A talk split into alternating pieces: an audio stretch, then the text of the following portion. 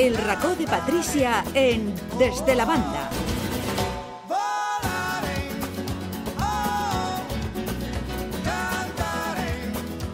Com sempre, la nostra Patricia Campos, eh, que ens porta l'oportunitat de conèixer de la seva mà i seus indrets i seus llocs eh, pels quals eh, ell ha passat i que, a més, eh, l'ha marcat a nivell personal i també a altres eh, nivells. Hola, Patri, què tal? Com estàs? Pues molt bé, amb ganes de que conegueu el meu raconet i tot el que he descobert viatjant des d'Europa a Àfrica, passant per Japó fins a arribar als Estats Units i Latinoamèrica, sempre del mà de l'esport. Un esport que trenca barreres i que serveix per a transmetre valors i passió allà on es practique.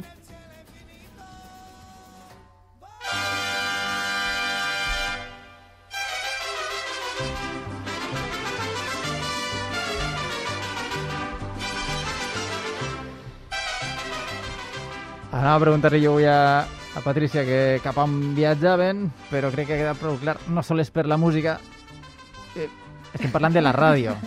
No, vosaltres a casa o al cotxe o on pugueu estar no teniu imatges de l'estudi, així de la ràdio, de l'estudi 1, l'estudi Toni Mestre, però Patricia, a banda de la música, ha vingut ja mm, disposada a escenificar el lloc eh, del qual avui anem a parlar, perquè ha vingut també amb el sombrer típic, no? A- Anava a preguntar també a gent, però clar, és, és que està, és evident, Patri. És que saps el que passa, Xina? Me fique més en el paper per a que conegueu de veritat la realitat mexicana. I com tu dies, a Mèxic, un, pa a Mèxic un país meravellós, el que vaig visitar quan vivia en Califòrnia. De fet, jo vivia al comtat de San Diego, que està pegadet a Tijuana, és a dir, agafes el cotxe i estàs en, en Mèxic. En concret, en Casbat, a dues hores de la frontera. En hores passes d'una realitat molt capitalista a una altra plena de carències. Molts residents americans, tant llatins com blancs, aprofiten lo prové que està Tijuana per anar al metge o al dentista, ja que Mèxic és molt més econòmic. I com és Mèxic? Eh, Patricia, imagina que tanquem els ulls i, i de sobte eh, ens portes allí i ja estem. Pues mira, a, un a, a país... de portar el barret que portes Claro, tu. claro, claro. Està xulo, t'agrada, eh? Sí, sí, A mi el teu també m'agrada. tinc un altre groc més gran, però, però, no de... conta, conta on és el teu, conta on és el teu. Eh, una festa amb tres amics a, A on, a on? a Benidorm. Anàvem a buscar a, a Mari Carmen. Maria Jesús. A Maria Jesús, això. A Mari Carmen la, la, és, que, la, la, la és que aquella festa acaba malament i no se'n recorda. Sí, Sí. res. sí. Però el meu és groc i un poc més gran que el teu, sí. Per amagar-se. Però a casa d'estar en Benidorm. Sí, sí, sí. Ai, ai, ai, que perill que teniu. Mira, si te tinguera que explicar com és Mèxic, diré que és un país conegut per les platges del Pacífic i el Golf de Mèxic, i el seu divers paisatge de muntanyes, deserts i selves. També es poden veure ruïnes antigues com Teotihuacán o la ciutat maya de Chichen Itza, al igual que els pobles de l'època colonial espanyola com Puebla, Mérida o Morelia que representen l'arquitectura d'aquesta època. També pots trobar un país vell, en camins sense asfaltar, pols, pobresa, falta d'infraestructures i oportunitats laborals. A mi, d'alguna manera, Raül me va recordar a Uganda, ja no sols per les condicions de vida, sinó també per la forma de viure de la gent, sense massa il·lusions en un futur millor, però sempre, això sí, vivint amb alegria. La veritat és que quan mires el, mapa de Mèxic, no? Eh, busques ciutats i, i el primer, una de les coses que crida moltíssim l'atenció, Patri, és que tenim noms que són els mateixos a, a Mèxic que, que així a Espanya. Així és, Eh, eh, L'explicació, clar. Eh, l'època colonitzadora efectivament. no- nostra allí en Mèxic. Està Guadalajara, Córdoba, Huesca, Amequis, Amics, Mérida, León, i algo que me va sorprendre molt, que no sé si ho sabreu, però m'he quedar un poquet flipa, és la paraula valenciana vergonya, ells la usen en Mèxic. I jo dic, ostres, significa el mateix, eh, que, que tens vergonya. No sé si hi haurà més paraules valencianes que, que s'usen en Mèxic, però me va cridar molt l'atenció. Jo no sé si en aquesta època algun valencià aniria per allí perquè l'origen té que ser eh, d'aixina, d'aquesta manera, perquè si no, no entenc com és que parlaven castellà poden dir la paraula vergonya. la, la pròxima tasca de Josemi, a banda dels noms de, dels de Geòrgia, que ja els té, El per què de vergonya eh, eh, eh, si hi ha també més eh, paraules en, en valencià també que diuen els mexicans, li ho preguntarà a la unitat de, de lingüístics. Eh, viuries allí? Patri, Eh, o, o no? Dona Te, compte te que n'aniries o no a viure a, a de Mèxic? visita sí, però a viure crec que no, perquè dona compte que Ciutat Juárez és la ciutat més violenta del món. De les 10 ciutats més perilloses per a viure en este planeta, les quatre primeres són mexicanes. Els narcos controlen des del poble més xicotet al mateix govern. Jo tinc una amiga mexicana que vaig conèixer en Cali, Califòrnia, que va anar a Morelia a una boda i van tindre que anar-se perquè un conegut va avisar que els narcos anaven a matar algú que havia sigut convidat a aquesta boda. O sigui, És sempre viure en por, no? Hi ha crim organitzat, bandes de narcos enfrontades en un mateix poble, cartes que obliguen a xiquets a treballar per a ells, a formar part de la venda de droga, màfies per a dur il·legalment a persones als Estats Units, coneguts com els coyotes, segrestos... És molt perillós, penso jo, Raül. Mm -hmm. Li vaig demanar a, a la meva amiga, anar amb ella per a conèixer Mèxic de, de la seva mare, i em va dir, mira, allí no parles de narcos en ningú si vens en mi, perquè qualsevol persona pot estar connectada amb ells per molts motius, perquè els amaguen en les seues cases, o perquè els narcos es donen menjar, o els ajuden econòmicament, ja els narcos no els agrada gens que ningú comente cap cosa sobre ells. Altres te diuen, com la meva sogra, eh, si no pertanys a cap família de, cartes no te pot passar res, sol si te pillen enmig de la balacera, la balacera és el tiroteo en el carrer i te pillen a tu, o sigui que sempre te pot passar alguna Jo penso que, que és una llàstima perquè és un país preciós i que no se pugui viure en, en comoditat i en seguretat com es vivim en altres països. Sí, la que a mi sempre és un dels llocs que m'ha cridat un poc eh, l'atenció, però... No s'ha anat? No. Mm, com també m'agradaria anar, per exemple, a, a Buenos Aires a, a veure el, barri de la boca no? i aquest sentiment futbolístic que hi ha, però al remat, quan aquestes zones ja no estan tan controlades a, a nivell de seguretat, eh, dona un poc de, de respecte. No? Com és que la gent té aquest sentiment no? d'apreci cap als narcos, sabent la figura que, que són i, i, i, i quin és el seu passat i, i, el, i el que afecta no, al dia a dia dels mexicans. Jo crec que és perquè són part de la societat i la cultura mexicana des de fa molts anys que ells controlen el país. Tenen bandes de mariachis pròpies eh, d'ells que canten narcocorridos, que són cançons dedicades als cartes com esta que, que aneu a escoltar ara. Vamos a brindar por la memoria de ese canijo diablo que era un vato de ley. ¡Salud! Un verdadero chingón. Thank you.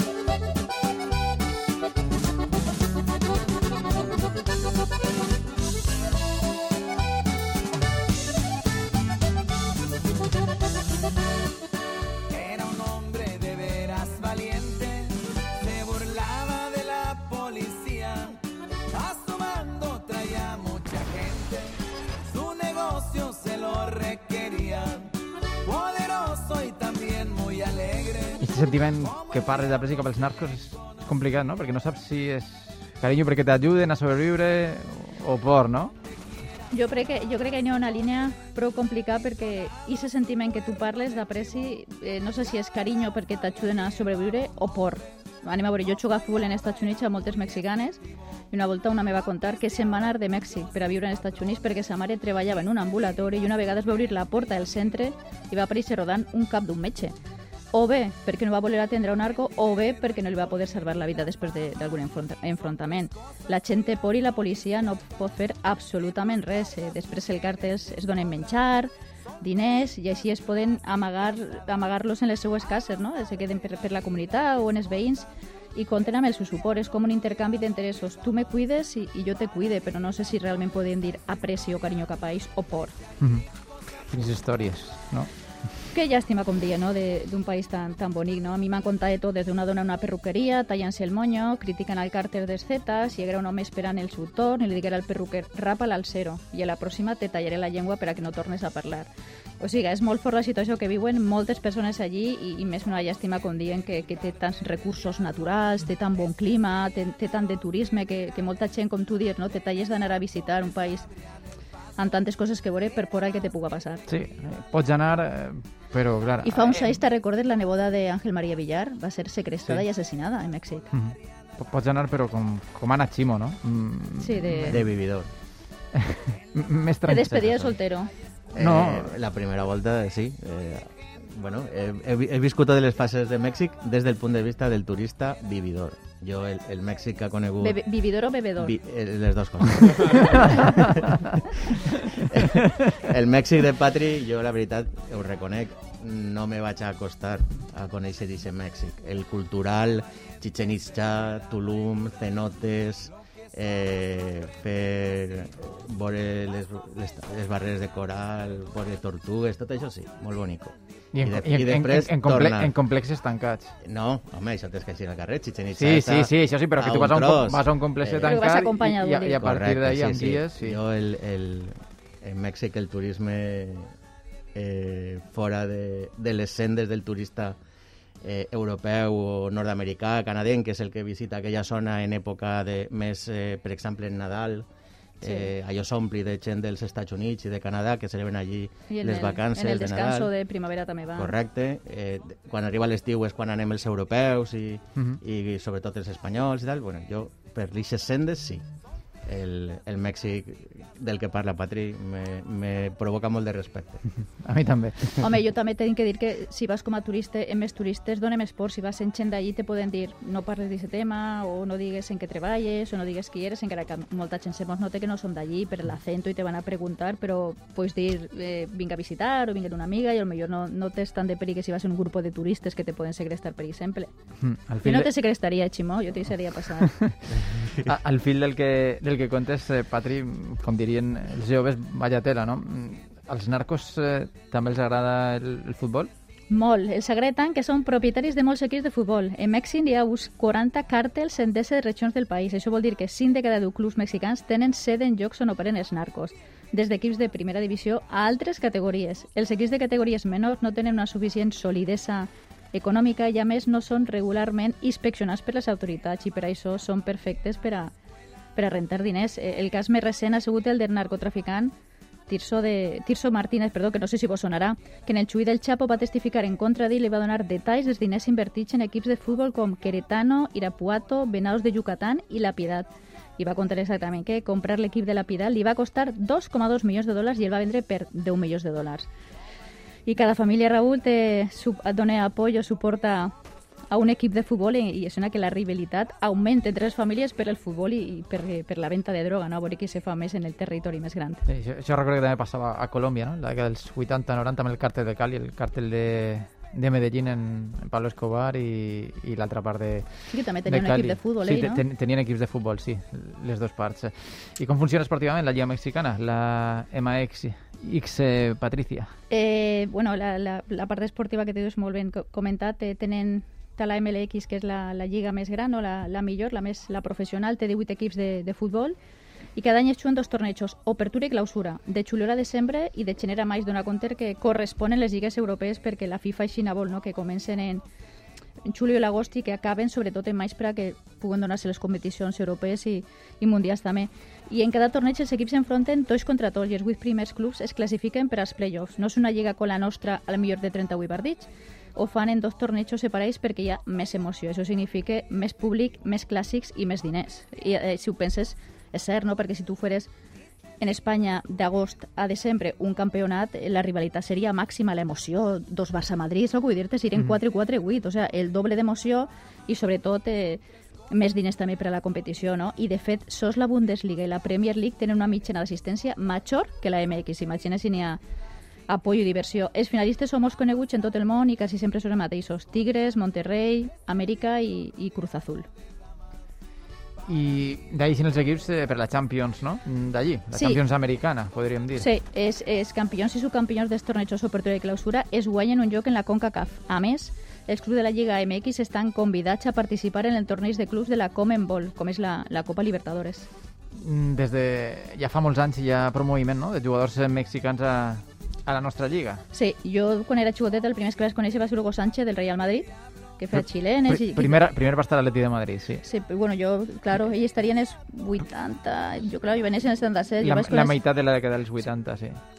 Pues jo vaig conèixer el del Real Madrid i a part d'ella ha vingut molts, Giovanni i Jonathan Dos Santos, Aquino Miguel Ayun al Villarreal, Charrín Corral a l'equip femení del Llevant, altres com Chicharrito, ara estan Guardado, eh, que va en el València, Lainez, Araujo, Hé- Héctor Herrera, Héctor Moreno de la Real Societat, i en segona també n'hi ha com Alanis, Marcelo del Olmo en el Oviedo, és a dir, hi ha prou representació de la tricolor en la Lliga i les pedrers dels equips espanyols. Allí també tenen una lliga professional de dones. Sí, es coneix com Liga MX Femenil i es va fundar en 2016. La femenil és la primera divisió femenina de Mèxic. Hi ha també 18 equips. Els equips més importants són Tigres i Monterrey, que són els que disputen eh, totes les finals d'obertura i clausura.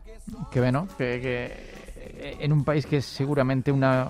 que des d'ací tenim una visió que és molt masclista, Sí. ver- veritablement, no? Que, I, i és, que, que, però ah, que no ho digués, sí. que, que tinga, que tinguin dona, eh, les dones també l'oportunitat d'una lliga professional i, i d'una màxima categoria, no? Com, com ha de ser. Eh, jo sempre abogo per l'igualtat en tots els àmbits de la vida. És que esport és salut i és felicitat perquè llevar-li a algú l'oportunitat de, de poder practicar esport, siga futbol o siga el que vulguin fer o bàsquet.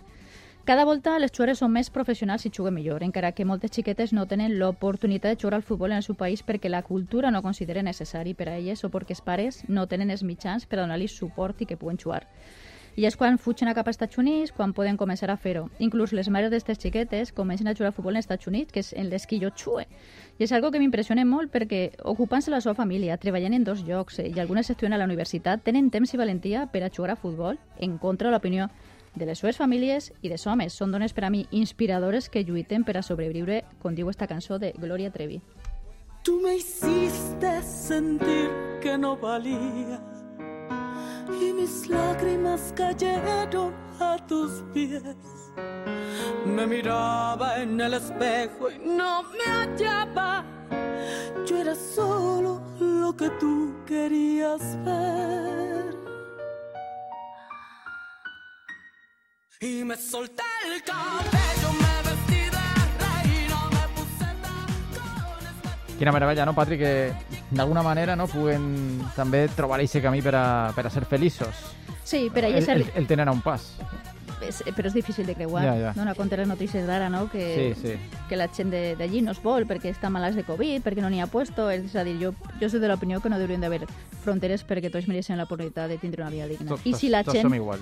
si la gent viatja a un altre país no és per fer turisme, és per necessitat, per no morir-se. Això és, és, és bàsic saber això, per a comprendre la Per a situació dels subsistir, demés. per a viure. Per a elles arribar als Estats Units és una alliberació. Poden jugar a futbol, treballar, estudiar, demanar protecció en casos de maltractament. És a dir, es compensa d'alguna manera la pressió social que pateixen per part del govern americà en quant a la seva regularització com a residents dels Estats Units. Són unes dones dignes d'admirar, amb tres i quatre xiquells, treballant, estudiant, jugant a futbol, i penses, uf, que fortes que són i que ganes de viure la vida. Són històries increïbles en busca d'un futur millor per a elles, però sobretot per a la seva família. Mhm. De fet, una cantant mexicana que ho expressa d'una forma eh, molt més clara és eh, Paquita, la del barrio, no? Paquita ja passa de tot, ja de, ja de sempre. Ella representa el que elles no poden explicar per por a les represàlies, tant dels seus homes com del seu entorn. I ara ja és famosa, fa concerts en Estats Units, en Los Angeles, en San Francisco, i no té tants problemes en cantar este tipus de cançons, però quan va començar era la persona més odiada de Mèxic per tot el que diu en les seues lletres. Però què farta hauria d'estar esta dona per escriure esta classe de cançons? Escolteu i veureu.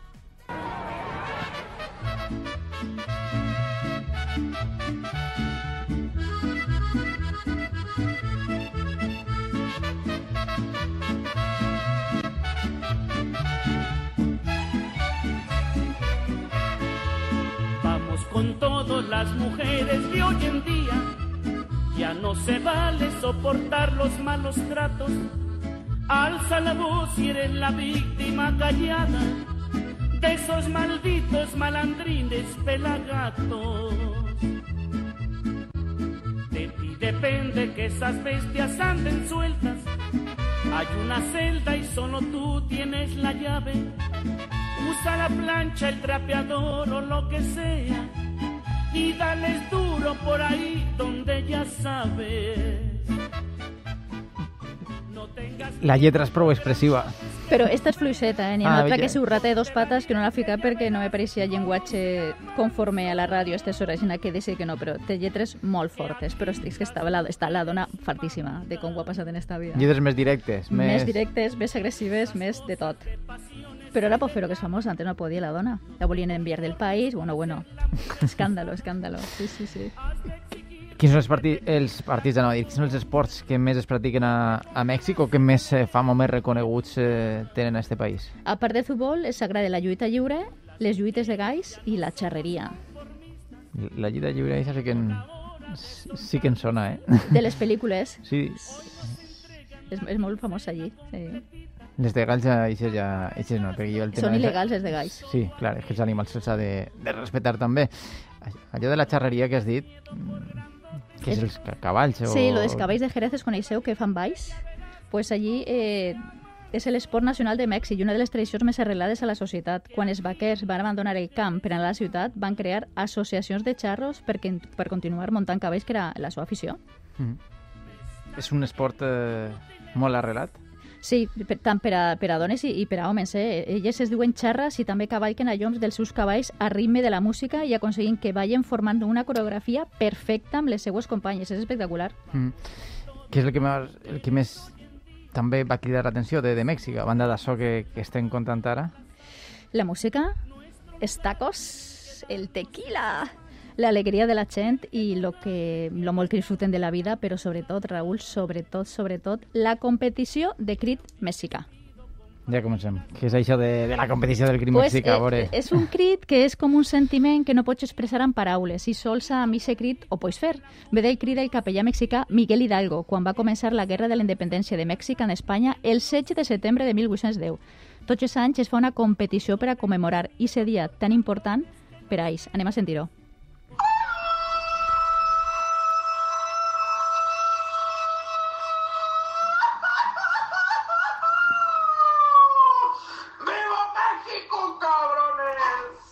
Veus? En el, en el cos incluït. Pues ara ja sabeu com es fa el cric mexicà i jo pense que, que lo seu seria que eh, Nacho, Chimo, Raúl, Raúl, Raúl, que Josebi... molt- No, Raúl, Josebi, jo, José- pues, eh, Josebi, que l'he vist en intentar forma. d'alguna pot- manera...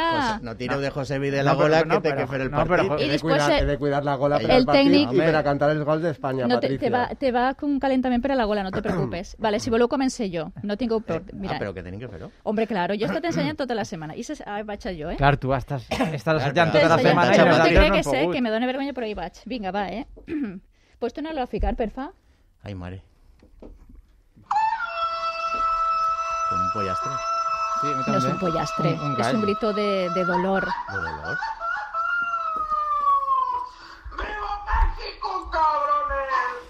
Vale, hi vaig. Vaig, eh? Vale. ¡Viva México, cabrones! Hosti, Patri, això Bé, no? pareix Tarzan. Un aplaudiment. A mi m'ha paregut un poc Tarzan, eh? No, està, està molt bé. Te toca, no, Josebi. Dispara. Ai, Josebi. Gol de España. Ai, per favor. Això segur com una ambulància. No. A mi no me fiques en Nacho. Nacho, no, per jo, te- favor. jo t'anava a traure un altre tema. Nacho va després... ha No, no, jo, jo este i, tema clar, i no, pa, no. passe la bola, passe la bola i així l'efecte suposa que continuarà per a vosaltres. no? Nacho, Però espera, espera. Eh, Hi ha un valencià entrenant a la selecció de Mèxic, de bàsquet, Ah, no, me- com se i diu? un, un entrenador valencià que és campió de la Lliga de Mèxic, Paco Olmos. Paco Ostres, que Olmos. xulo. En el Reyo... En el Reya... Mm, no t'ho sé... A veure... Ai, no, sé en quin, no, no sé quin equip entrena, però ha sigut campió de la Lliga de Bàsquet de Mèxic i la- i l'han agafat com a seleccionador. Que xulo. És Paco Olmos. Home, i a més si t'experiència és un Això- esport que no està això- arreglat. Ho incorpore per al crit. A dir, una cosa compensa Això, l'altra. No metes pot- compte. O sigui, naixent el mateix dia com he nascut tu i jo, i de veritat. Eh, per això igual lo teu val per mi, també. Mira, mira, mira. Bueno, pues Chimo, te paso la pelota tú. Venga, Ai, va. Tinc que fer-ho. No sé, Chimo, ja... Es- eh, ¿Lo puedes volver a Espera, poner, por això- favor, Francis? Ah, Francis, Espera a que te ver, fiques la ahí. sirena esa de ambulancia.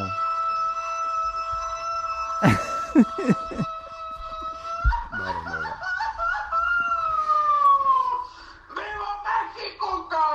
Va, El jefe me va a tirar, eh? Sí, sí, jo Va, ja... va a cridar el jefe y me va a tirar. Ara sí, Però tenim bueno. la... Venga, tírali. Hamilton líder en la Fórmula 1 y Sam Lowe líder en Moto 2. Bé, bé, bé, eh? ¡Viva México! Ándele. Ximo, Ximo ha eixit molt bé Eh, del pas, eh? estat, ahí. bueno, José Vita també ha estat ahí. Bueno, Raúl, Jo, jo... la última. No, no, perquè... No, no, és Som que no de puc bàsquet fer-ho. i s'agafem no, de la mà. No, no puc fer-ho, Patri, perquè... Clar, no, no, Quina excusa me dona? La de Nacho està bé. no, perquè... Mira, mira, mira, mira. Això és, és a un mi em pollastre, sembla un... és un pollastre de és el bon gall, matí. és el gall que desperta Això és un gall. a un primera hora gall, del un matí. gall, a bon matí. No, jo no... Patri, jo, entén- jo, jo- jo, no, jo no, te veig, eh? No, jo Està no, avui de director. jo no puc sí. dir... No, no, Té que donar una i imatge. després he de tornar a casa i, i a més no, no has portat El tequila, Nacho, ni... Nachos, sí, Nacho clar, està que- así. De, el, el, el equip, és que m'envia Ricard ara eh, el, el equip que entrenava Paco Olmos és el Fuerza Regia. Fuerza de Mèxic. Regia, sí. De, on està? En quina àrea de México està? Ai. No ho saps. A tant no i, va, I vam estar així en directe Si el vau Eh, entrevistar. va entrevistar a, a, a Paco guai. i està molt, molt content i ja té la vida pràcticament establida allí. Jo tenia moltes ganes d'anar a Mèxic, tu me n'has llevat al, al principi de... de, de Però, tot- però, Podem de anar junts. però ara ja està canviant, ja està canviant. Ah. La cosa pot estar millor, pot estar millor. Bueno, entonces, en Nacho y Raúl, que no heu participat, en honestitat i sincerament, en qui cri se quedariu? En el de José Vi, en el de Ximo o en el meu? Però no senteu la pressió. Per favor, Patri. No José ho senteu fa la pressió perquè este espai és Està fallo. No, vosaltres gols, podeu sí. votar Nacho vota un i jo Nacho, vota l'altre. A veure, Nacho. jo vaig de la mà de Patri. Gràcies, Nacho. És Yes. que, eh, Hem nascut Yes. el mateix dia. Ahí està. Votem a Patri perquè, Bueno, pues per- per- perquè ve amb, el barret mexicà i ho ha fet molt bé i porta tota la setmana. Això sí, això sí, Se ho ha currat, sí. se ho ha currat. Tota la setmana Ai, està ai, ai, ja ai. clavada amb el tema. Eh, bueno, has guanyat tu, Gràcies, que gràcies. està molt bé. Que bonic és viatjar, no, Patri? Sobretot eh, si al final ens portes experiències eh, com esta i que d'alguna manera en el cas teu te les emportes, les interioritzes eh, i van formar-te o, van fent-te també com a persona, no? A, a tots els nivells. Sí. I, a- I a més les compartixes amb nosaltres. Ai, sí, és tot el que vivim, l'educació que rebem és importantíssim per a comprendre a nosaltres mateixa, als altres i, per suport, les diferents cultures que es troben pel camí. Mhm. Com sempre, Pati, moltíssimes gràcies per eh, ensenyar-nos eh, eixe món que vius, que has viscut eh, i en primera persona. Però, però t'han faltat els nachos i, no sé, més coses, n'hi ha quesadilles, no? Jo és que no som molt A la de... pròxima podem Últimament ampliar l'espai del raconet en Mèxic, no se preocupeu de tequila, de tot el que faci falta. Has de fer un espai gastronòmic. També, espais que, pues que, que és veritat, fas, de, un de lo que gastro- viatge, lo que pica per ahí, Clar, pues espai de gastro- grillos, frechis, cosetes, a veure si espai gastronòmic i el, i el portes així fent també una degustació en la prèvia del programa o durant el programa. Bueno, ara eh, ja eh, José Vi, Chimo i jo se poden presentar a la competició nacional de Mèxic tots els anys. Ja estic preparats. I vosaltres, Nacho i Raúl Supedreu. No. Teniu mèrit, eh? Teniu mèrit. Sí, sí. Estrès, estrès. Que mal, però jo, jo de veritat que ensenya tots els dies. I ma mare, què faré, mama? Estic ensenyant el crit este mexicà, però no hi ha manera, eh? no m'he simulat ja, però gràcies per el suport. Gràcies, Patri. A vosaltres. A veure, a veure quina sorpresa ens porta l'altre dia Patri en el, en el seu racó, que ha estat amb, amb, a molts llocs, a molts indrets del món.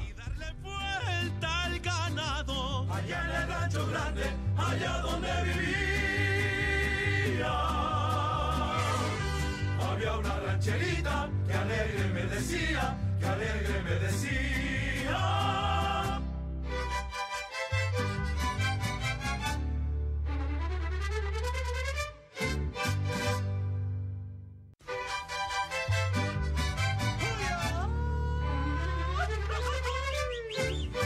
Allá en el rancho grande, allá donde vivía.